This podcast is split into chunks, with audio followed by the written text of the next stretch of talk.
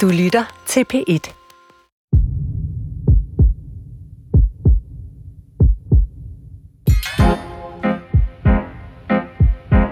Mens vi optager det her program, er bydelen Voldsmose i Odense lukket ned på grund af 100 nye smittede inden for syv dage og en positiv procent på over 8.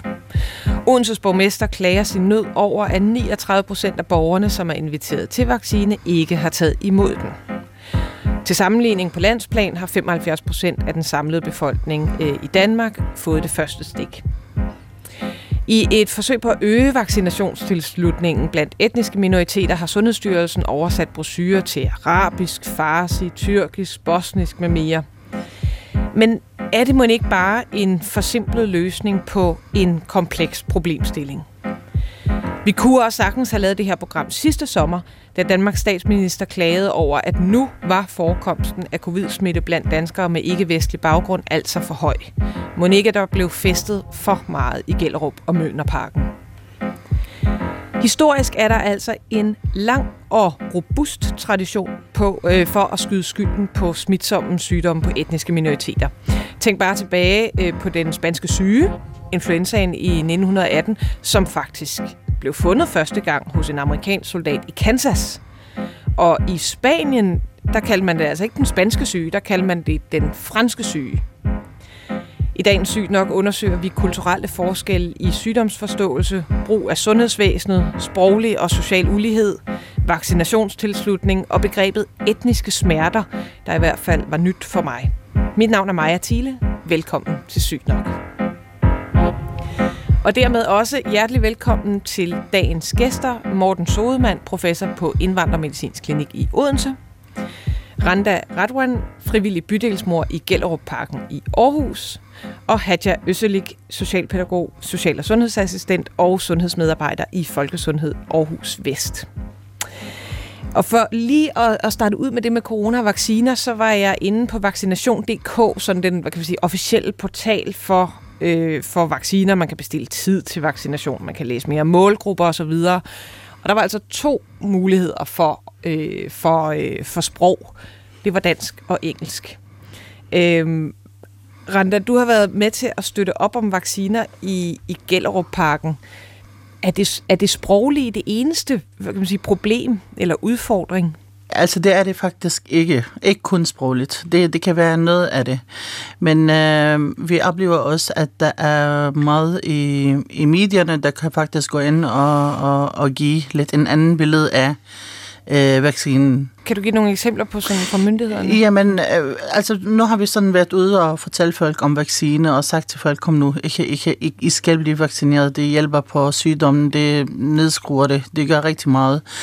Øh, og så lige pludselig, så ser man alt mulige videos fra forskellige øh, lande øh, verden over, øh, med, med, med hvad vaccinen kan gå ind af ud øh, og påvirke. Altså, man kan blive syg af den, man kan dø af den, man kan egentlig også forvente ikke at få børn. Misinformation simpelthen. Ja. ja. Men, men, men er, det, er det specifikt for, for etniske minoriteter, eller, eller hvordan? For jeg tænker, det er vel også en misinformation, der spredes overalt? Jamen, det er det også. Det er egentlig i det hele taget. Altså, det var ikke kun, øh, øh, kun etnisk. Øh, øh så det var faktisk over det hele, øh, og til alle. Øh, problemet er bare så igen det her med, at så, så, så bliver folk bange. Så hvordan kan vi have den der tiltro øh, til, at jamen, den vaccine er faktisk god nok? Mm. Jeg kunne egentlig godt tænke mig øh, at, at flytte øh, Randas øh, observation over og spørge dig, øh, Morten Sodemann, fordi nogle af de ting, der bliver sagt her, det, tænker, det er jo generelt problem omkring misinformation. Vi ved fra undersøgelser globalt set, at, øh, at i mange lande, der stoler man ikke på de officielle øh, medier eller aviser, radio, tv, man stoler ikke på øh, myndigheder, præsidenter, politikere. Øh, så det eneste, man kan stole på, det er det, man selv kan styre, oplever man, og det er de sociale medier. Så de sociale medier har fået en, en, en kunstig troværdighedsboost, øh, om man må sige, i de lande der, fordi det er sådan set er de eneste, der, der synes, man leverer noget, noget interessant information, men også noget, der måske er, vi kender jo godt de der bobler, ikke, hvor man kommer til at bekræfte det, man gerne vil have, er rigtigt. Øh, og det, det bliver sådan nogle selvforstærkende processer. Men langt hen ad vejen, de folk opfatter øh, de medier som de mest troværdige, øh, og mere troværdige end, end læger og sundhedsminister. Mm. Men er det her noget, der er en udfordring omkring etniske minoriteter, eller en udfordring omkring sige, lav øh, socioøkonomisk klasse? Altså, hvis man kigger på misinformation, så er det sådan set det samme, hvad skal man sige, ende øh, punkt, man når til. Men, men øh, kontekst, altså sammenhængen og årsagerne, og hvem der driver det, og hvem der holder det ved lige, og hvem der skaber det, er faktisk meget forskelligt, øh, afhængig af, hvor man kommer fra i verden. Så man skal nødt til at forstå misinformations øh, hvad skal man sige, op, ophav, hvor kommer den fra, og hvem har en interesse i den, for at forstå, øh, hvordan man skal gå til den i de enkelte etniske grupper. For det er ikke den samme grund øh, til, at etniske danskere øh, er bange for, at der er skjulte bivirkning, som en fra, fra Nigeria eller fra Rusland. Der er meget forskellige bevæggrunde for det, og de har at gøre med de politiske miljøer, der kan være i hjemlandet, som måske også spiller over i de sociale medier, som gør, at man tror, at den russiske vaccine er bedre end den danske, og at der er færre bivirkninger ved den, og det er derfor, myndighederne ikke fortæller om bivirkninger, fordi der er rigtig mange bivirkninger, mener de. Altså man får øh, information fra de hjemlige øh, medier? Når man ikke føler, at man bliver at man ikke føler, at man kan identificere sig med de øh, informationer, der kommer i Danmark, så søger man det. Alle mennesker har behov for information. Alle mennesker i verden, og specielt flygtninge, tror jeg, kender epidemier og ved udmærket godt, at det er noget bras. Øh, så, så de vil gerne beskytte sig, men de vil også gerne have den bedste information. Og når man ikke føler sig, hvad skal man sige, imødegået informationsmæssigt på en tilstrækkelig måde i Danmark, så søger man det andet sted. Men, men øh, uh, Hadja Øsselik, øh, hvordan kan man sådan professionelt så arbejde for at, at øge vaccinetilslutninger og komme den uh, misinformation til livs? Hvis jeg skal komme med min personlighed, både faglighed, men øh, mig som hatte, øh, som er tyrkisk baggrund, Øh, halvdelen af mine arbejdskolleger blev vaccineret, øh, hvor jeg tænkte, ej, der er nogen, der bliver nødt til at være lidt skeptisk for at kunne se, øh, øh for at man kan revurdere, er det også det rigtige løsning øh, at behandle en pandemi på agtigt. Øh, så der var måske i virkeligheden ikke, hvad kan man sige, plads til eftertænksomhed, og øh, var det også din opfattelse jamen, et sted som Gellerup-parken, at, at der blev efterspurgt en, så lad os nu lige klappe hesten og, øh, og, og være sikker på, at det nu også er sikkert. Mm. Det er jo, det er jo en vanvittig svær biologi at formidle i, mm. i offentlige medier på, på en forståelig måde, men, men det er jo lykkes og det synes jeg er vigtigt at påpege, at det faktisk lykkedes at vaccinere en rigtig stor andel af, af, af multisyge og ældre og svagelige på andre måder. Det gik meget hurtigt, øh, og, og uden det store palaver, fordi det er sådan et relativt nemt og simpelt og direkte budskab. Men man forsømte så måske, eller måske kommer til at oversælge det koncept i forhold til, at nu kommer vi så til de 60-årige, til de 50-årige. Man glemmer ligesom at føre befolkningen med ind i de, de næste aldersgrupper. Og nu kommer vi så til den sidste aldersgruppe, de unge, ja. udødelige på 20-30 år, mm-hmm. som tænker, er vi de sidste, så er det nok ikke så vigtigt. Vel? Altså, mm-hmm. vi har mhm. heller ikke været sindssygt gode til ligesom at føre dem med ind i, i forståelsen af, at nu, det, nu tager de en for holdet, nu er det faktisk for samfundet og ikke for deres egen skyld. Den, den fortælling, synes jeg, man har glippet at, at tage med sig. Jeg synes, i stedet for, at politikerne begynder at udskamme, og så går det galt igen, ligesom sidste år. Ja, fordi så bliver det vel også sådan en, en, en pisk, øh, der skal lede øh, vaccinationstilslutning. Ja, altså, hvis I ikke tilslutter jer, så lukker vi jeres sovn ned, mm. eller så må I ikke komme ind. Øh, og så vil jeg godt påpege, at de unge, da vi havde folkemøde herude i vores mose, der var der nogen bagefter, der sagde, de vil ikke sige det, men der var jo faktisk en dansk læge, som med det samme, da en af vores landsholdsspillere faldt om, begyndte at, at, at påstå, at det var fordi, han lige var blevet vaccineret. Og fordi myndighederne ikke dementerede det, så var det jo rigtigt. Og det er jo sådan noget, man kender fra hjemlandet, at når myndighederne ikke siger noget, så er det fordi, der er noget om det. Og der var altså en dansk læge, som faktisk gjorde det rigtig, rigtig svært at sælge vacciner til unge fodboldspillere i Danmark. Så, så i virkeligheden en, en, en hvad kan man sige, øh, at når, altså når jeg ikke hører noget fra myndighederne, så er det ikke fordi nødvendigvis, jeg tager det som, at så er det, øh, så samtykker de til udsagnet, men mere, at nå ja, så er de måske lidt langsomlige, eller... Altså intet nyt er ikke godt nyt. Intet ja, nyt er tegn på, at så gemmer de rigtig meget på nogle, nogle bivirkninger. Så hvis mm. ikke nogen dementerer de der sådan meget, meget bestand, også i, på, hvad skal man sige, på, på sprog, som er til at forstå, og på måder, som er til at forstå, så tager vi dem på gulvet, fordi så bliver det en bekræftelse af, der er noget om det. Ja. Men, men det, det er jo heller ikke noget nyt, altså når man ser på, øh, på vaccinetilslutningen til, til HPV-vaccinen, altså mod øh, livmorhalskræft, mm. øh, så, så var jeg inde og se på Statens Serum Institut, og der, der kan man se, altså Øh, det er øh, ikke bare øh, piger af udenlandsk øh, herkomst, som, som får, hvad kan man sige, i mindre grad vaccinen, men også piger med ældre søskende, piger af enten meget unge eller meget ældre mødre, øhm, øh, piger, som kun bor sammen med den ene af forældrene, øh, så, så der er, øh, som, som ikke har samme hvad kan man sige, tilslutning til HPV-vaccinationsprogrammet, som, som, øh, som gennemsnittet har. Øh, så der vil, der vil noget, eller kan man overhovedet gøre det, noget etnisk, og så noget, der handler om social baggrund?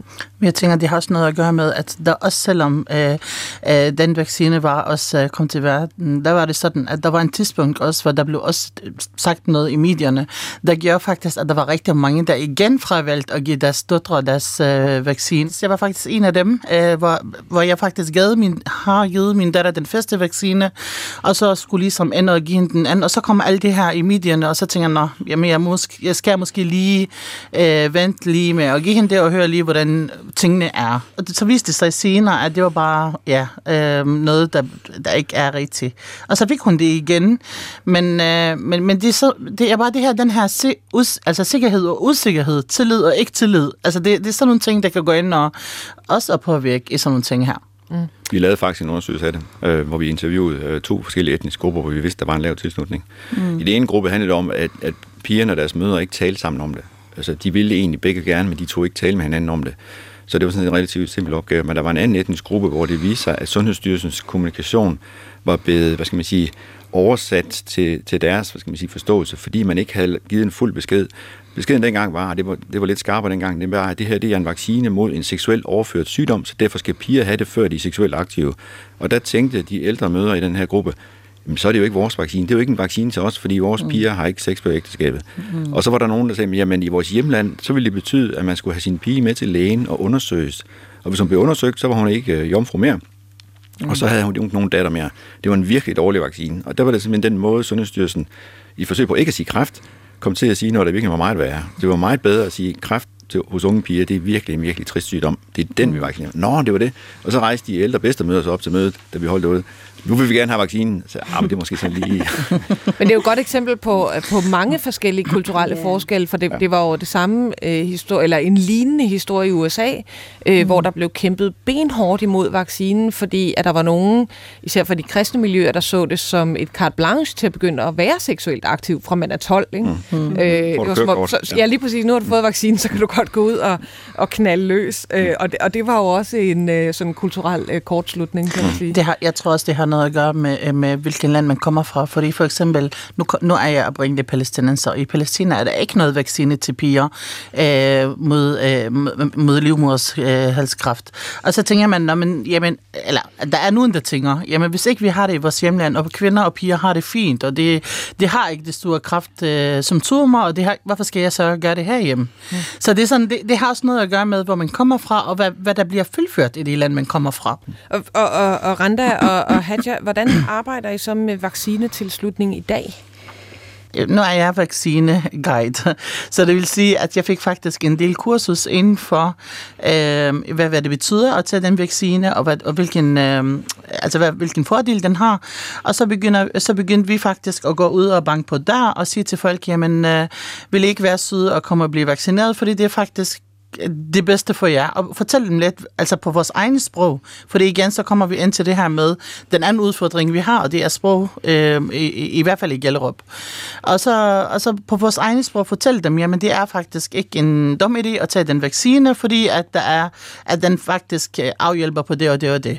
Og så ved jeg egentlig at, at gøre det, så har, så, og så har vi også sagt til dem, at der var, der var nogle dage, hvor vi selv var over for at tage vaccinen, så vi var sådan lidt nogle rollemodeller for, jamen se, når jeg tager den, og tør og tager den, øh, så kan I også godt. Mm. Be- betyder det noget netop for tilliden, at det er dig, der står og, og, og giver den information? Det, det tror jeg, for det, desværre har vi ofte hørt det her med, altså nu er jeg på frivillig basis, altså jeg arbejder på frivillig basis, jeg får ikke noget for det her. Hvor derimod, som Morten siger, når, når, når de er læge eller andre lægelige, øh, de får penge for det. Så for dem er det, ja, altså det er bare et arbejde. For os er det noget, noget mere. Jeg fik begge mine stik øh, heldigvis, og, og efter at jeg fik det, så er der også, sådan noget med, at man skal egentlig også ud og fortælle folk, altså det er lidt forskelligt, hvordan vi øh, reagerer efter den øh, vaccinen også. Og, og så har man hørt, at så er der nogen, der bliver rigtig syge, der er andre, der ikke bliver syge, der er nogen, der slet ikke kan mærke det, der er andre, der er bare ømme i armen. Så det er, sådan, det er også det her med at fortælle, at vi er faktisk forskelligt. Vi kan reagere forskelligt. Det er ikke ens betydning med, at hvis den ene bliver rigtig syg den, den aften, at du også bliver syg. Altså det, så det, det var vi også meget ude og, og understrege og fortælle. Mm, mm. Og, og, ja, jeg synes, vi gør rigtig meget i Gellerup øh, i samarbejde med Folkesundhed Aarhus Vest og bydelsmøderne og, og regionen. Øh, det, og vi imødekommer altså i Folkesundhed Vest, der havde vi jo coronatelefonen øh, på deres sprog, hvor det fik mulighed for at kunne få vejledning. Det er en af de ting, som har hjulpet meget. Øh, og det, at man kan blive vaccineret uden tidsbestilling. Mm. Og den streger under uden tidsbestilling. At du kommer. Vi er der, og du kan bare komme. Det, det er jo et det meget lille, lille mm. greb i virkeligheden. Det er det måske, men det er det ikke for vores borgere. Og i dag, når vi kigger på, altså da vaccinen kom til at starte, du får en brev på din e-boks, og hvis du ikke har e-boks, så får det i posten. Okay. Øh, så skal, øh, øh, og ja. det er på dansk. Og, og der står der, den første brev, der står der, du får øh, tid til vaccinetid. Og så får du et brev mere, hvor der står, nu kan du bestille den tid, og det skal være i Aarhus Ø, og, og så kommer der en brev mere fra kommunen, øh, hvor der fortæller om, hvis du har problemer med transporten, så kan Aarhus Kommune hjælpe dig med det. Men så er det os, der skal bestille tid for dig, og bla bla bla. Så, så nu er vi øh, oppe på fire breve? Jamen, der er virkelig rigtig mange breve, øh, og jeg ved det, fordi jeg har været med til at oversætte ja. nogle af de breve. og, og, og hver gang jeg oversætter, synes jeg, det gav ikke mening for mig som oversætter, øh, og det har været virkelig frustreret at skulle være med til at sende det her breve, som ikke vil give mening. Men heldigvis fik vi den, prøvet vi den der forsøg med øh, vaccine og også med test, ikke? at det er uden tidsbestilling, og, og det kunne foregå. Og nu er det fast i Gellerup om torsdagen i Nørgaardshallen fra 9 til 15, der kan man bare komme og blive vaccineret, og man får øh, frejser, ikke? Mm. Ja. Og så øh, også tid, altså næste tid til den anden vaccine. Og næste tid til ja. den anden vaccine. Og hvis du havde bestilt tid, og du kan se, at det er et problem, jamen så kan det være med til at aflyse ja. den tid, sådan at du kan blive vaccineret her nu, når nu det her tid passer dig bedst. Og så, og så vil jeg også sige, at der er også nogle uh, bydelsmøder, der står dernede og taler nogle forskellige sprog, som at hvis man har også uh, nogle udfordringer, altså det er dem, der står faktisk og hjælper med, med at få folk ind til de her vacciner. Så hvis man har noget spørgsmål eller noget, og man ikke rigtig kan noget dansk, så kan man faktisk spørge dem, og det kan nogle forskellige sprog. Og det er det, jeg prøvede at fortælle før, som jeg ikke synes, det lykkes for mig, det er, nu har vi gjort, i hvert fald i Gellerup eller i Aarhus Kommune, vi har sørget for, at det kan blive vaccineret uden tidsbestilling. Det kan bare komme der, de ja. mellemrum. Og de har fået det i alle sprog. De har fået det i øh, både telefonisk og øh, på brev. At nu er det bare tiden, der skal modne sig for, at man tør eller, eller at man kan se, okay, det her, det er, øh, jeg er for skeptisk. Det er nu, jeg skal blive taget. For eksempel i, ved, i min medkom, jeg kunne se, at mine forældre blev vaccineret, mine søskende blev vaccineret, hele familien i Tyrkiet overvejer at tage den tredje vaccine, hvor jeg bare tænkte, hvis der skulle ske noget, vi dem alle sammen, hvad skal jeg være alene i verden? Selvfølgelig skal jeg også blive vaccineret. altså, det var det, der var, det var det, jeg havde brug for. Jeg havde brug for lige at tiden til at lige modne mig og Ja, observere. Morten Sodman? Ja, det er jo ekstremt vigtigt det sidste der, ikke? fordi det, det er ikke et first mover miljø, hvor man går frem som de første og tager i frontlinjen øh, vaccinen. Man venter til alle andre også nikker, altså både Søren Brostrøm og den lokale øh, leder af Sundhedscenteret og og boksetræneren øh, og ens mor. Så, så altså, vi, der, det er et miljø, hvor det bare tager lige en omgang mere, men det skal nok komme. Mm. Men det, tilgængelighed er to ting. Det ene er, at det er let at få stikket. Altså, der er åbent, og man er der hele tiden. Noget andet er tilgængelighed i forhold til, at normalt, når man skal have en behandling i det her miljø, så, så kommer man til lægen og snakker lidt og får lidt information. Og hvis man ikke lige har styr på det der, eller stadigvæk er i tvivl, så går man lige hjem og kommer igen ugen efter, og så kan det være, at man har mere styr på det. Her beder man folk om at troppe op og få en vaccine, som er omgivet af rigtig meget mystik, øh, som vi godt kunne tænke os at snakke med dem om. Så en båd før, der var også var tilgængelig, hvor man kunne snakke om, hvad er det, der sker her, og får jeg den rigtige vaccine, og, mm. og mister jeg evnen til at få børn, og begynder jeg at bløde som 14-årig, når mm. 60 år. Alle de der ting, vi godt ved, dem kan vi lige tage der, fordi ja, vi ved, folk vil gerne overbevise, de er bange for den her sygdom. De er bare usikre på, hvem der har ret. Mm. Men, men altså nu er I kommet med nogle helt konkrete eksempler på, hvad man kan gøre, altså rent logistisk, simpelthen bare øh, undgå tidsbestilling, at der er noget personale, man kan snakke med øh, og, og få information om, at der er noget, noget øh, skriftlig information på, på ens eget sprog, sådan til, til at, at bakke op om, om, om vaccinetilslutningen. Men, men er, er det virkelig det eneste? Altså er det nok til at etablere den tillid, der skal til, for at man tropper op nede på vaccinationscentret? Jeg tror meget, sådan dansk sundhedspædagogik bliver meget, altså, for alvorstung, øh, og den bliver så alvorlig, så den bliver næsten utroværdig alvorlig.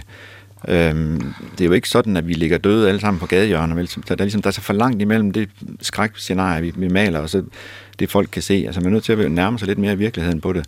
Og så øh, altså stå frem og sige, at jeg har taget stikkene for mig selv og for, for mine omgivelser og min familie, og for det her samfund kan lukke op igen. Og længere ind, jeg er så også læge, eller jeg er også sygeplejerske, eller jeg er også tolk, øh, jeg er gynekolog, hvad det må nu være, ikke? men at man står med, med, med en bred vifte af troværdigheder, som, som prøver at, at formidle, at det her er okay, og det er godt nok, og der sker ikke noget med din krop, øh, selvom vi er vaccineret. Og, og jeg står som garant, som tosproget læge, og det må du så fortolke, som du vil, men, men her står jeg, og du kender mig måske godt, og, og det er jo derfor, vi har valgt den vifte, der er der. Det er nogen, som, som folk måske kender her, i hvert fald i, i lokalområdet. Så altså, som, som Randa sagde, i virkeligheden have nogle rollemodeller? Fordi mange har sagt, når vi har spurgt dem på fokusgruppemøder, hvad, hvad er det? De siger, ja, der må gerne stå en Søren Brostrøm. Han var faktisk i Voldsmose i går, ikke? Men der skal også lige stå en anden ved siden af, mm. en eller anden, anden, helt anden person, yeah. som så ikke får penge for det, eller som yeah. står og sælger noget, som man er lidt usikker på, i hvert fald det for en gammel brugtbil, han prøver at sælge til mig, ikke? Mm. men at det faktisk mm. er en udmærket brugtbil, han er ved at prøve mm. at sælge til en. Ikke? Mm. Der skal stå en fra lokalmiljøet, som man har tillid til, som så kan legitimere det der, og det virker, det ved vi, det har vi prøvet mm. mange gange. Ja, og det er enig, for det er også det, vi siger. Lytter til Sygt Nok. Mit navn er Maja Thiele og vi snakker om øh, kultur, sygdomsforståelse, vaccinationsopbakning øh, øh, blandt etniske minoriteter. Med mig i studiet er Hatja Øsselik, socialpædagog, social- og sundhedsassistent og sundhedsmedarbejder i Folkesundhed Aarhus Vest. Randa Radwan, frivillig bydelsmor i Gellerup Parken i Aarhus. Og Morten Sodemann, professor på indvandrermedicinsk øh, klinik i Odense. Og øh, nu har vi fokuseret meget på vacciner, men hvis vi prøver at brede det lidt ud, og, øhm, øh, når det sådan generelt handler om, om sygdom og skulle forklare symptomer, forklare bekymring for sygdom, øhm, øh, hvad, hvad betyder sproget der? Altså, hvor meget, hvor meget betyder sproget? Det betyder rigtig meget. Altså det, det er faktisk en meget vigtig ting, at man forstår, hvordan øh, sundhedssystemet er, især når man bor i Danmark. Øh, fordi det er igen øh, nogle, nogle ting, der ikke findes i andre land. Øh, sundhedssystemet er faktisk ikke det samme som, øh, når man kommer fra et andet land. Så på den måde betyder øh, sproget og tillid rigtig meget.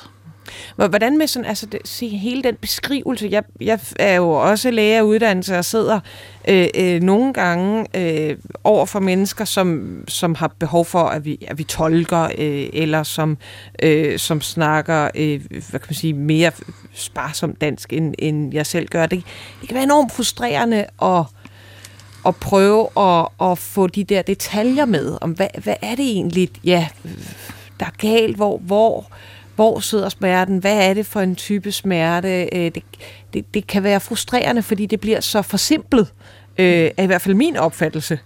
Øh, er det også jeres opfattelse? Ja, jamen jeg tænker, jeg tænker, det er det. Altså nu har jeg også selv arbejdet som freelance-tolk i mange år, og, øh, og der, der, der har jeg set og oplevet rigtig mange øh, øh, misforståelser Øhm, øh, imellem øh, en læge og en patient, øh, fordi der er lige præcis den her øh, sproglige øh, misforståelse, hvis man kan sige det på den måde. Øh, så, så igen, det, det er meget vigtigt, at man forstår, øh, hvad, hvad der bliver sagt, og hvis ikke man forstår det, så kan det egentlig, så, så, så kan der komme et, et stort problem ud af det også. Øh, øh, hvordan mener du? Jamen altså, øh, jeg tænker, øh, en af de problemer, jeg havde som tolk dengang, var, at lægen havde kun et kvarter, for eksempel. Og hvis man skal have en tolk på, så, så er det i hvert fald, og hvis det er noget, der har noget med et hjerte at gøre, eller noget, der har noget med et liv at gøre, eller noget, der har med et nyre at gøre, så, så er det sådan nogle øh, ting, der kan tage lang tid, og hvis, især hvis der er noget oversættelse på. Så et af mit problem var, at, og jeg egentlig har oplevet ret ofte, jeg var det her med, jamen, så er tiden færdig, så må du bestille en ny tid og komme næste gang igen. Så, så simpelthen det, det er rent praktiske ja. med, at når, ja. når man skal have en 12 på, så skal man altså bruge ja, dobbelt så lang tid. Ja, men det skal man, fordi ja. det lige, lige pludselig er egentlig flere personer. Altså jeg skal, som en tolk, skal jeg høre fra en patient, og så skal jeg overret, øh, oversætte det, der bliver sagt til lægen. Mm. Og så er der så, at lægen har måske nogle spørgsmål. Og så et kvarter er faktisk meget kort tid til, at, øh, til sådan en samtale, når der er noget, i hvert fald når der er tolk på. Mm. Morten Sodman, du havde en kommentar? Nå, men altså, det er jo fantastisk, at noget en, en elev i første klasse kan regne ud, nemlig når man skal sige noget to gange, så tager det dog så lang tid. Det, det kan man faktisk ikke forklare sygehusejere og sygehusledere og, og praktiserende læger. Det er sådan, det er. Øh, og økonomien skal hænge sammen på den måde. Så det, det er det ene. Det andet er, at man skal jo nok arbejde med sin kulturelle tålmodighed. Altså, at, der er jo ikke nogen vej udenom. Altså, hvis du begynder at gætte, så er det går rigtig galt, og så er det kommer de her fejl, som, som, som vi kan, kan snakke om. Men altså, virkelig, virkelig alvorlig fejl, fordi så begynder lærerne bare at gætte, øh, og der er noget, vi er dårlige til at lære, så er det at gætte. Det kan godt være noget, vi tror og bilder hinanden ind, vi er gode til, men det er faktisk noget, vi bliver dårligere og dårligere til med tiden, og måske også lidt mere, mere ydmyge overfor med tiden. Men nu ser jeg jo netop øh, på indvandrermedicinsk klinik øh, i Odense nogle af de tilfælde, hvor det er gået galt. Øh, kan du komme med nogle eksempler? Jamen, det, det, det et eksempel, der faktisk satte mig i gang med det her for alvor, var en, øh, en kvinde fra et, et land i Østafrika, som øh, blev gift med en dansk landmand, Øh, det er før farmer dating og de der webportaler lang tid før.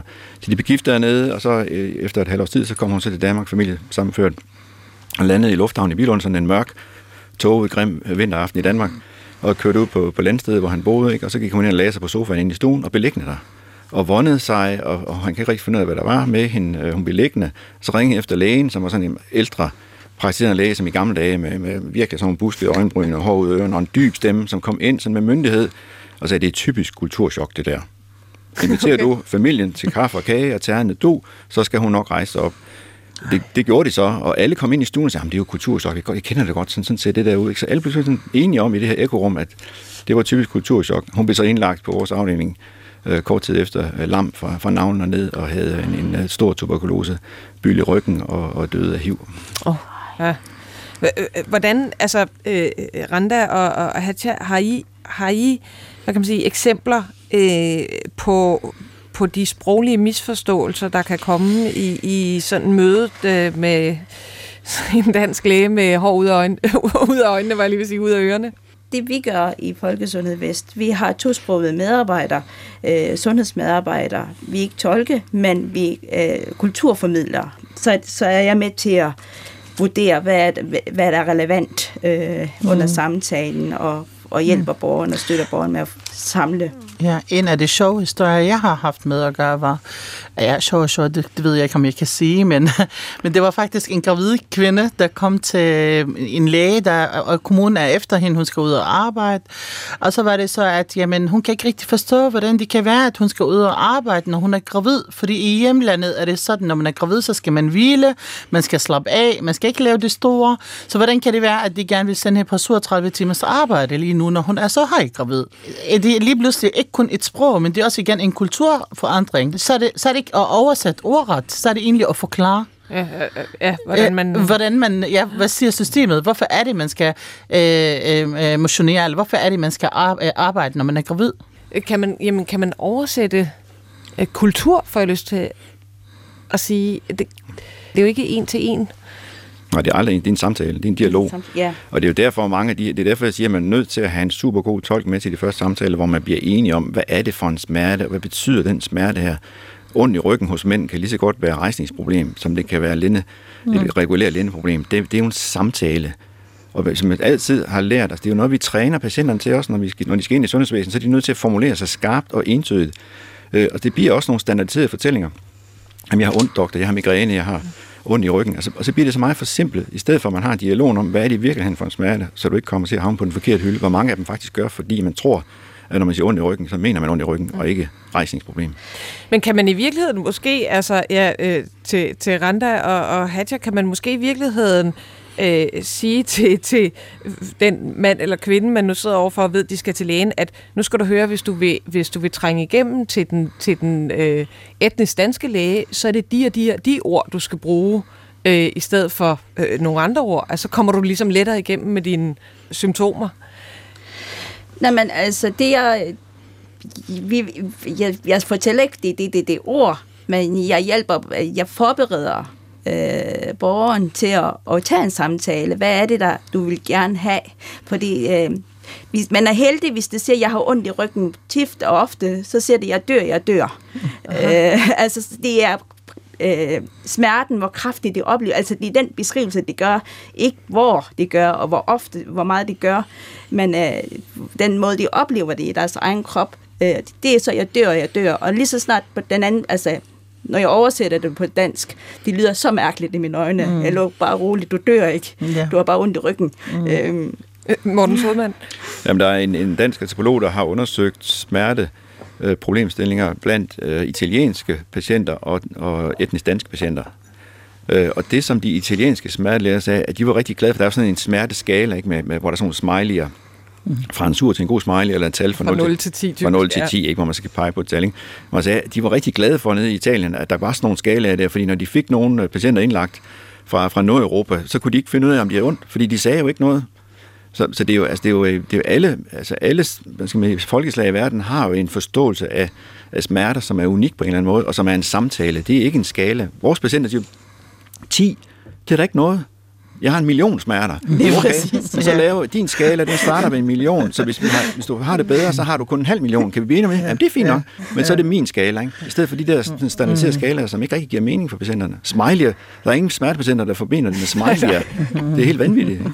Og jeg er glad for, at du beskriver det på den måde, fordi når vi bruger skala til et eller andet, vurderer hvor kraftigt, så synes jeg, det er så svært at forklare borgeren, hvad vi mener med den her skala. Her er det mindre godt, her er det mm. nogenlunde, her er det meget godt.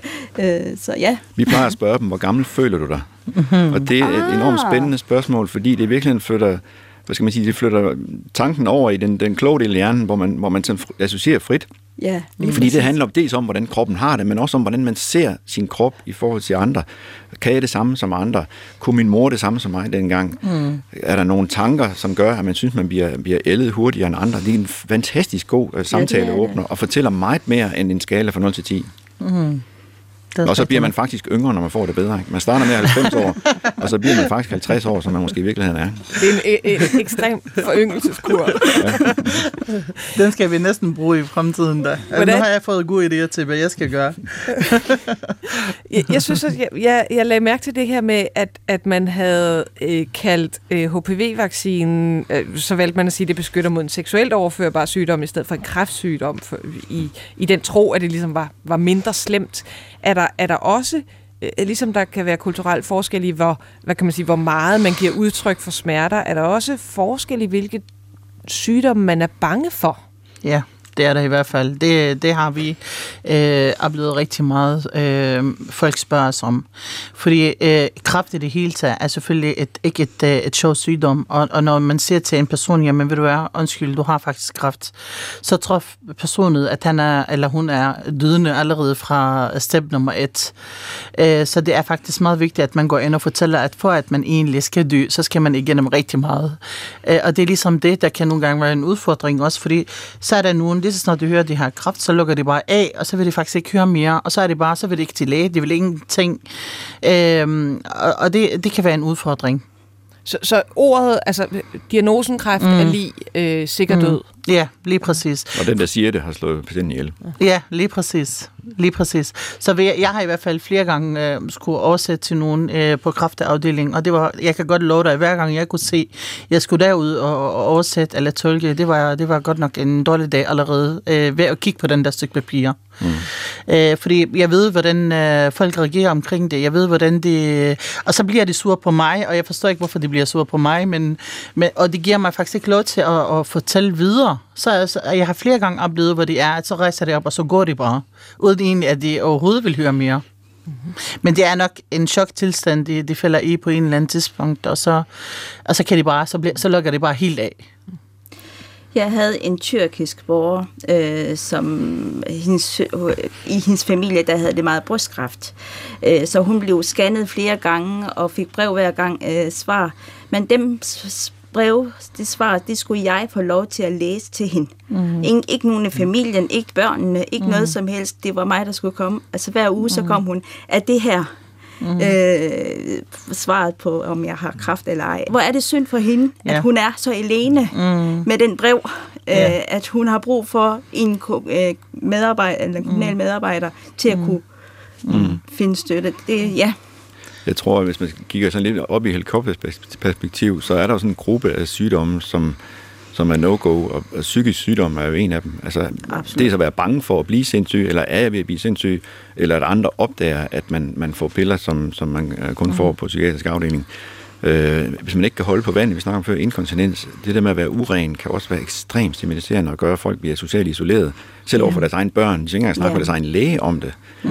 Øh, miste førligheden, blive handicappet, øh, blive afhængig. Vacciner kan, kan, kan få til, at man ikke kan få børn osv. Mm. Der er alle mulige forklaringer der, hvor man siger, der, der er en stribe af, af sygdomme, ikke bare kræft, hvor, hvor man siger, der er virkelig der er behov for noget, noget mere ro, noget mere, hvad skal man sige, bedre tolkning, men mm. også måske, at vi som, som øh, som etniske danskere, hvis det også er der, bliver noget bedre trænet i at forklare ting til mm. mennesker, der ikke har gået ret meget i skole. Altså ja, hele det her vaccine ja. og antistoffer, der forsvinder, mm. sådan, det er jo mm. tung, tung biologi, ja. som, som kræver nogen år i skole for at forstå. Men, ja. men det her med afhængighed, hvad, hvad, hvad er det for en frygt? Det, det må være, altså i de, de sammenhæng, jeg har mødt det i, så er det, at det er simpelthen menneskeligt uacceptabelt øh, ikke at forsvare sin krop. Altså man får sin en krop af Gud, og den har man altså virkelig pligt til, eller ens pårørende, som man selv kan, til at forsvare. Og man skal forsvare den mod medicin, øh, som kroppen bliver afhængig af. Det er ligesom det er en svaghedstegn at man bliver afhængig af noget. Det er også et svaghedstegn, hvis ikke man udtrykker sin smerte i nogen sammenhæng.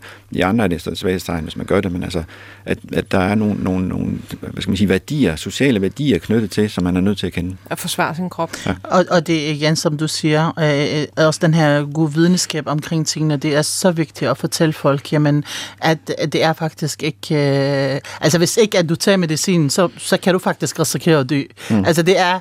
Så skal man ligesom være lidt hård der og fortælle, jamen, det er faktisk faktisk enten eller. Nogle gange så står man faktisk, så er det enten eller. Mm. Øh, og, og, og, og det er faktisk også noget af det, vi gør som bydelsmøder i, i Gellerup. Altså det, øh, nu har vi her for eksempel i går, der, der var vi til planlægning af lyserødes lørdag, og det er faktisk brystkræftsbekæmpelsesdag mm. øh, den 9. oktober, hvor det er, at vi skal lave en stor arrangement ud af det, og fortælle dem, der kommer til stedet, jamen, hvad, det, hvad det betyder faktisk at have brystkræft. Så er vi ligesom en, en bro imellem den lægelige verden, og så øh, altså det mennesker, vi har med at gøre i området for eksempel. Ikke? Hvordan, øh, øh, Randa Hadja, hvordan er I selv vokset op? Altså hvilket syn på hvad kan vi sige, sygdom og, og, og kroppen er I selv vokset op med? Altså, jeg er, jeg er jeg kom til Danmark som øh, 10-årig, øh, så jeg, jeg, jeg føler mig faktisk, og jeg er i dag 41, så jeg føler mig faktisk meget, meget dansk i forhold til øh, den, den arabiske verden, hvis man kan sige det på den måde. Øh, og, og, og jeg har egentlig generelt er jeg, så går jeg faktisk meget op i alle det her lægelige øh, undersøgelser og tider og vaccine og, øh, og sådan ting. Men hvis, hvis jeg skal komme og fortælle lidt til min mor, der i dag er omkring det her 63 år, der, der, der er det lidt, lidt nogle andre synpunkter, de har på tingene, end jeg har for eksempel. Hvad, hvad oplever du? Jamen altså, det, igen det her, som, som Morten siger, jamen mor, du skal til læge for at ligesom undersøge det. Nej, nej, det skal jeg ikke. Jeg har det sgu fint. Altså, mm. det sådan nogle ting. Så nogle gange, så skal jeg virkelig bare presse hende til øh, at komme til læge for at ligesom undersøge det ene eller det andet. Altså, så man går kun til læge, hvis man ikke har det fint? Ja, ja, på en måde på en måde. Øh, for eksempel alt det her, fordi nu er hun jo i den alder, hvor hun skal også undersøges for en del, øh, øh, øh, altså sådan noget med kraft og sådan ting. Og, og hver gang hun får et, øh, en indkaldelse, så bliver hun faktisk rigtig ked af det. Fordi så føler hun, som Morten siger, hun føler sig meget gammel lige pludselig. Øh, hun føler lige pludselig, at jamen, øh, hvorfor skal jeg til læge? Jeg er sgu frisk, jeg, jeg fejler ikke noget. Øh, øh, jeg føler ikke, jeg fejler noget. Øh, og hun er faktisk, øh, hun har en lille, øh, altså hun har for eksempel diabetes, og, så, der er, så det er det her med, øh, at man virkelig skal bare trække i den øh, lidt ekstra, for ligesom at få den på banen. Og det er ikke kun min mor, altså jeg kender også en del mennesker øh, fra området, der er også et 60 plus i alder. Og det er vi skal næsten, altså jeg føler bare nogle gange, vi skal kæmpe for at få dem til at ligesom undersøge sig selv Mm. Øh, fordi så lige pludselig, hvis en... Øh, jeg, har, jeg havde en, en ældre mand her for ikke så lang tid, og jeg havde en lang diskussion med vedkommende, fordi han har jo en familie, der har øh, afligt øh, diabetes i familien, og så er han... Og han har ikke rigtig noget diabetes, men bare ved, at han øh, er tørstig hele tiden, så, så, så ved han, i hans verden, at han har diabetes, og vil ikke engang undersøge det, for at ligesom ikke at blive mere bekræftet i, at han har diabetes.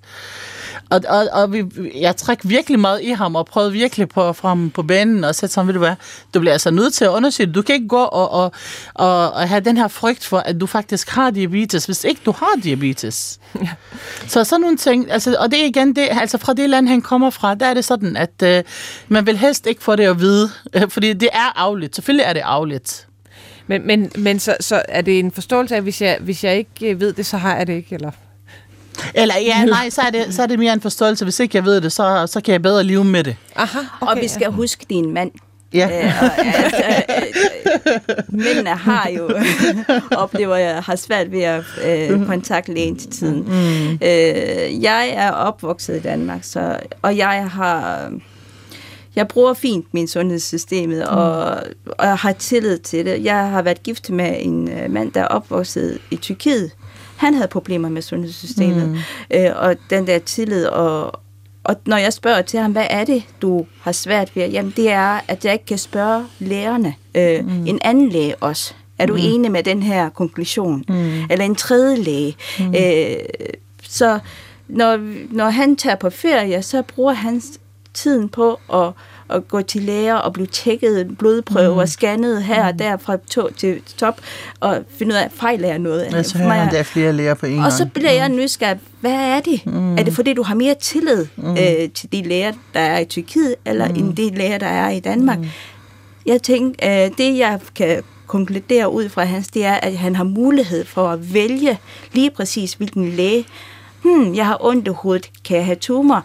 Lad mig lige scannet. Øh, mm sådan at, hvor, at, hvor han, de bekymringer, han går rundt med, det kan han lige krydse af. Okay, så er det ikke det. Så er ja, det og det, ikke for at understrege, hvis, lægen, hvis, hvis patienten ikke kan lide lægen, så er det en anden katastrofe. Altså det, det har vi også oplevet, ikke? Hvor jeg kan ikke lide lægen, så og ham kan jeg slet ikke kommunikere med, og han, øh, han vil ikke høre, hvad jeg har at sige, og så ham, ham vil jeg slet ikke til. Og det er ikke så nemt at flytte læge, for eksempel. Ikke? Altså det, det er også noget, jeg kender og har set i den virkelige verden. Ja, ja. Men jeg har også kæmpet med min mand, for eksempel, med vaccine her. altså det er sådan, øh, jeg har taget vaccine, min børn har taget vaccine, og så min mand, han vil bare ikke tage Øh, den vaccine. Og så skulle jeg bare virkelig kæmpe og kæmpe og kæmpe. Jeg følte virkelig også, at jeg skulle kæmpe med ham. Og så, og så endte det med, at jeg sagde til ham, ved du hvad, så må du, skulle, altså, så, er det, så må du selv om det. Altså, du er ikke et barn mere, du må tage din egen beslutning. Og så sjovt nok, så ringer han til mig i går og siger, jamen, hvad, hvad tid kan jeg vaccineres? Og, og hvorfor vil han lige pludselig det? Fordi hans familie i Libanon er blevet vaccineret. Mm. Så så nogle gange er der også nogle andre ting i det. Det er derfor, at gifte mænd lever længere end ugifte mænd. ja, det gælder både for... Men det er lige præcis det øh, ja. med, at familien... At man, jeg, hvis jeg anbefaler min læge, vil det være retten, at min læge han er god mm. til det der. Prøv mm. lige, skal vi ikke lige præstation med ham også? altså, så har du mere tillid til mig, end mm. du har til min læge. Mm. Men at og når man har tillid til en behandler, og skaber en god relation og god samarbejde, jamen så kommer der også noget godt ud af den behandlingsforløb, mm. der vil komme.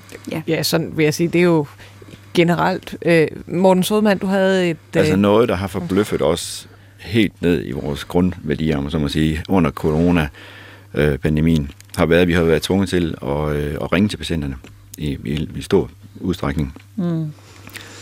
Det har været meget roligere samtaler. Det har været meget mere indholdsrige samtaler. Patienterne har været ustressede, har haft gode overvejelser, har tænkt sig mere om, øh, er mere reflekterende og er meget mere glade for de samtaler, end når de sidder og stresser og sveder inde i et, et øh, kedeligt, blegt konstitutionsrum med en læge, som de måske ikke er helt stensikre på. Så selv når, når vi rækker patienter op, vi ikke har set før, mm. kan man have to timers samtale, som er dybt meningsfyldt, og, og ja, det har så noget at gøre med, at man kan også finde ud af, hvor er folk mest trygge hen til at begynde med. Mm, så kan man præcis. måske invitere dem ind i, i rummet, om man siger på sygehuset senere, men vi starter med at skabe tillid, og mm. det gør vi der, hvor patienterne er trygge, og det er altså hjemme i sofaen på ens egen sprog, så vi har tolk med, mm. øh, og, så, øh, og så har vi en, en telefonsamtale. Mm.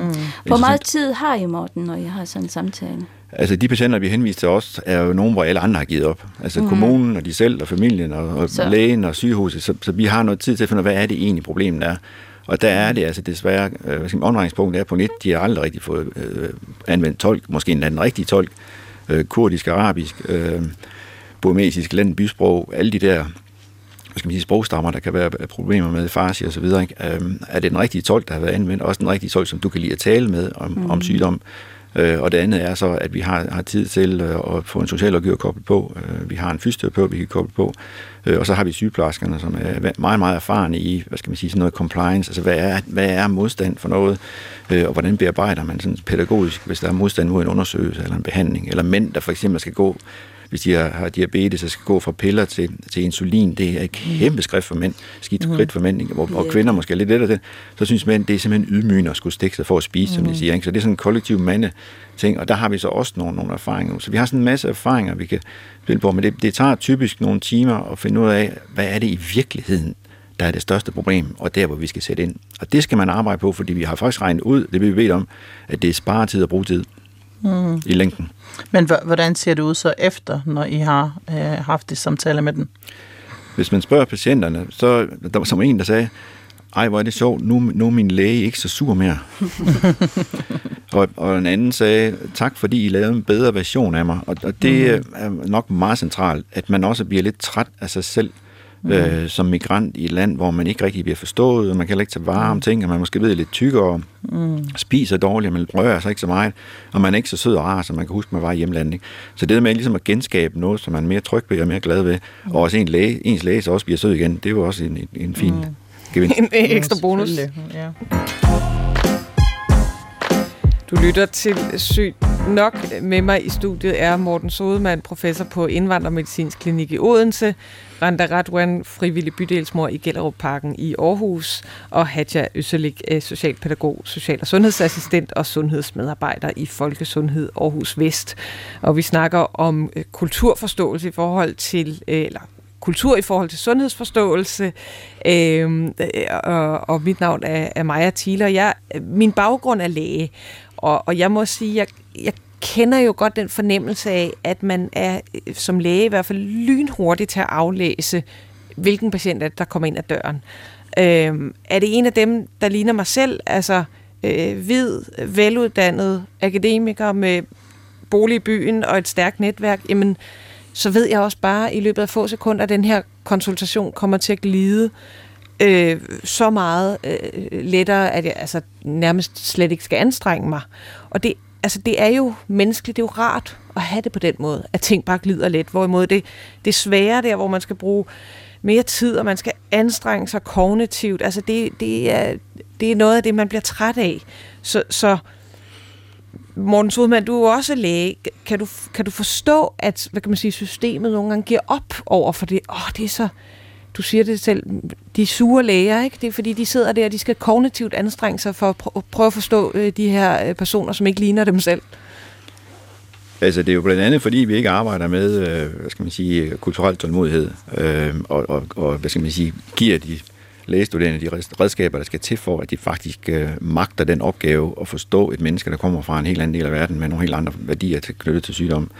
Men, men det er også fordi, vi, vi er også glade for stangvarer ikke? og rutiner og, og, og skabeloner og fraser i sundhedsvæsenet. Så jeg synes også, vi ligger lidt som ret ved den måde, vi arbejder på, og også den måde, vi lærer os organisere på, og det må vi så tage med, med vores kolleger, ikke? men jeg synes, vi lader os køre over af nogle, nogle krav omkring os, men vi også vil køre os selv over med nogle idéer om, hvad patienter er for nogen. Altså, vi er også meget glade, som jeg sagde før, for at gætte øh, og, og folk i bås. Altså, jeg må indrømme, jeg, øh, det var først, da vi lavede research til det her program, jeg hørte etniske smerter. Kan du ikke prøve at forklare, hvad, hvad er det for et begreb?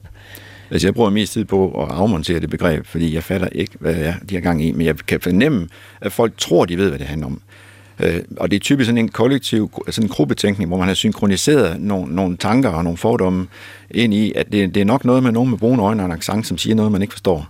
Mm. Øh, og så bliver det ovenikøbet kaldt smerter. Det er ikke ret tit smerter, men, men mere nogle symptomer, man ikke forstår øh, som så bliver rubriceret der, og alle er enige om, at man tror, man ved, hvad det er. Øh, men nu fortæller jeg det eksempel før med hende der med, det, med, med kulturschok.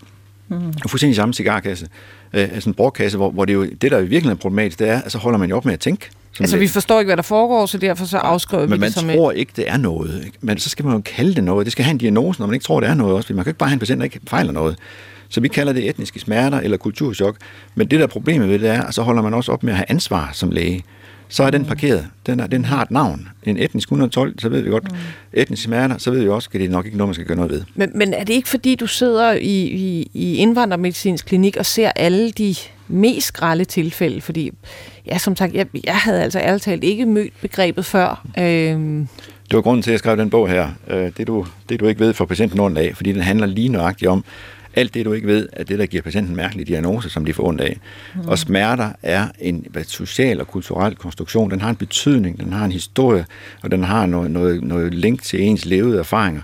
Og det er dem, man skal have fat i. Altså alle mennesker i verden er rationelle på deres egne præmisser. I stedet for at blive sur over, at de siger noget på en mærkelig måde, som jeg ikke har lært, så find ud af, hvorfor de siger det på den måde. Det er meget mere konstruktivt, og det er derover man henter de rigtige diagnoser. For der er ikke noget, der hedder etniske smerter. Det står ikke nogen steder i lærebøgerne. Det er bare et begreb, der svæver rundt i luften, som er fuldstændig meningsløst. Mm. Hvordan, øh, Hadja Øsselik, øh, øh, oplever du altså sådan en, en, en mistillid fra, fra etniske minoriteter til, til, til sundhedsvæsenet, af, at man, man bliver ligesom bare afskrevet som ja, etniske smerter eller en overgørsel af noget, der ikke er noget? Jamen, syv ud af de ti, som jeg snakker med, har en oplevelse af, at lægen ikke forstår mig. Øh, mm. og tager mig ikke alvorligt, tror jeg snyder øh, eller ikke har rigtigt med det, jeg oplever med. At jeg har, når jeg har ondt, så, tror, øh, så siger det, det er noget, øh, jeg finder på, altså det er psykisk. Mm. Øh, det, det er i hvert fald det, der siger, og det er det, der viser, at så har man ikke tillid til lægen, øh, og, og det er altid sidste øjeblik, at det kontakter lægen, når det er akut, akut, og jeg ikke kan klare mere. Ja, og, øh, og så og kan man ikke klare var det endnu værre. Ja. Ja øh, hvis det er, at man har, man har virkelig meget smerte på grund af et eller andet, og så kommer man til læge, og så står den der læge med den der bog. Hvordan skal jeg have tillid til læge, der sidder og kigger i en bog? og det er jo, altså det er i hvert fald nogle af de her sager, som jeg sådan har været øh, vidne til. Og så får man så at vide, jamen jeg ved ikke rigtigt, hvad du fejler, jeg bliver nødt til at henvise dig videre i systemet, og så lige pludselig, så skal man øh, henvises til forskellige afdelinger, og ved nogle af afdelinger skal man vente et talent år, før at man kan komme ind til, til undersøgelse. Så mister man faktisk allerede der øh, tilliden til, at, øh, at jamen, øh, der er ikke nogen, der tager mig seriøst, der er ikke nogen, der tager mig alvorligt, der er ikke nogen, der, altså jeg er ikke et menneske mere, og så er jeg også ligeglad. Øh, og så står man der, og er faktisk ligeglad med at komme til alle det der undersøgelser, fordi hvad var det nu for halvandet år siden, var det det, jeg fejlede. Men det, I beskriver det, det er vel ikke øh, anderledes end for, hvad kan man sige, social ulighed i sundhed i det hele taget? I virkeligheden burde man jo afsætte langt de fleste ressourcer mm. øh, øh, til, øh, til, til dem, der bliver mest syge. Mm. Altså, øh, øh, hvorimod den reelle øh, virkelighed er, at dem, der råber højst, og dem, der har den øh, længste og den bedste uddannelse, det er ofte dem, som, som får mest af sundhedsvæsenet. Mm. Ikke? Ja. Øh, og jeg ved, det, er det, er det sådan et etnisk minoritetsproblem, eller er det i virkeligheden social ulighed, vi snakker om her? Nå, men altså, man, man øh, taler nu om, at migration er en selvstændig social øh, faktor, altså en, en, en øh, ulighedsskabende faktor i sig selv, ud over uddannelse og køn. Så der er noget med sprog og, og hvad kan man sige, de erfaringer, man kommer med, og så er der de klassiske ulighedsfaktorer, som, som uddannelse og køn og, og, så, og så videre arbejde. Øh, så, så der er, man plejer at sige, sådan, som Tommelfinger altså 80% af social ulighed og 20% er, er sprogforbistring øh, og hvad skal man sige, manglende øh, information og viden, som man kan og så er organisationens hvad skal man sige, opbygning og møde med, som, som gør det sidste. Men nu nævnte du før et, et eksempel med tuberkulose, der blev afskrevet mm. som, som øh, kulturchok. Kultur, kulturschok. Har det også noget at gøre med, at, at der nogle gange øh, kommer nogen med nogle sygdomme, som de danske læger simpelthen ikke kender til, fordi det er relativt mm. sjældent? Det er ekstremt sjældent det, det er, altså, når man, de fleste mennesker er jo er mærkværdigvis nok bygget op af de samme grundsten, altså to nyere på lunger og ikke? Øh, og de sygdomme, man kan have, er forbavsende kedelige og almindelige. De bliver bare udtrykt på en måde, som, som øh, nogle læger lader sig forstyrre af, og andre føler er interessante og, og graver ned i. Og det, det er noget af det, vi arbejder mest med, det er at prøve at hvis man siger, give besked tilbage til lægerne om, hvad er det, jeres blinde pletter er.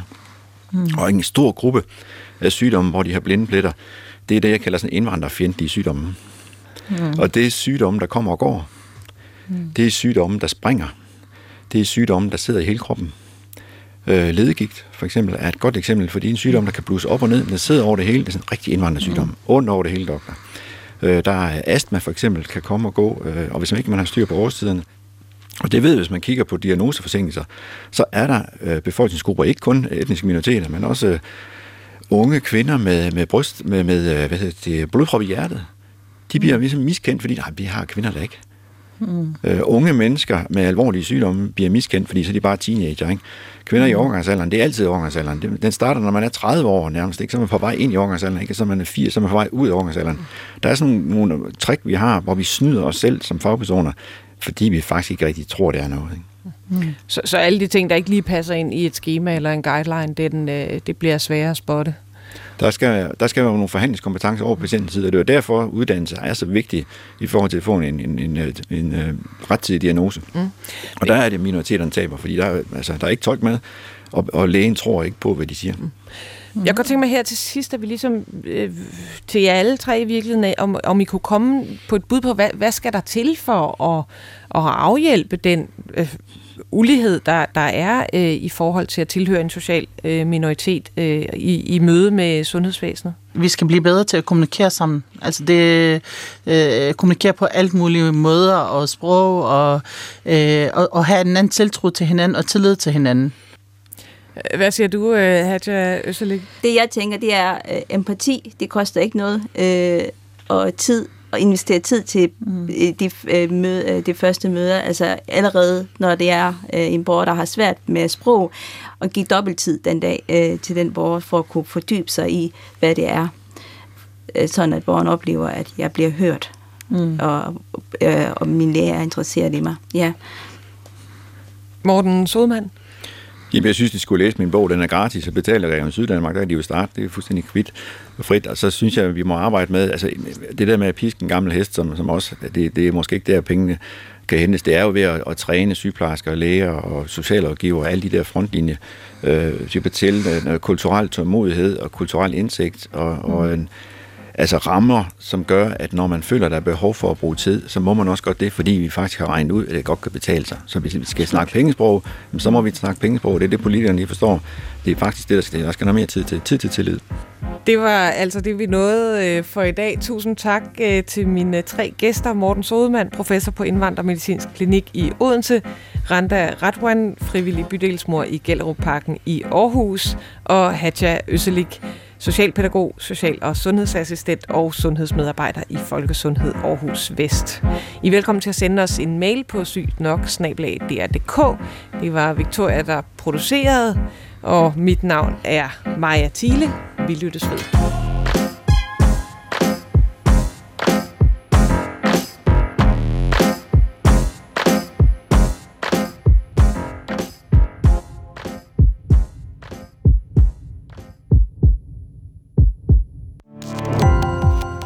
Gå på opdagelse i alle DR's podcast og radioprogrammer. I appen DR Lyd.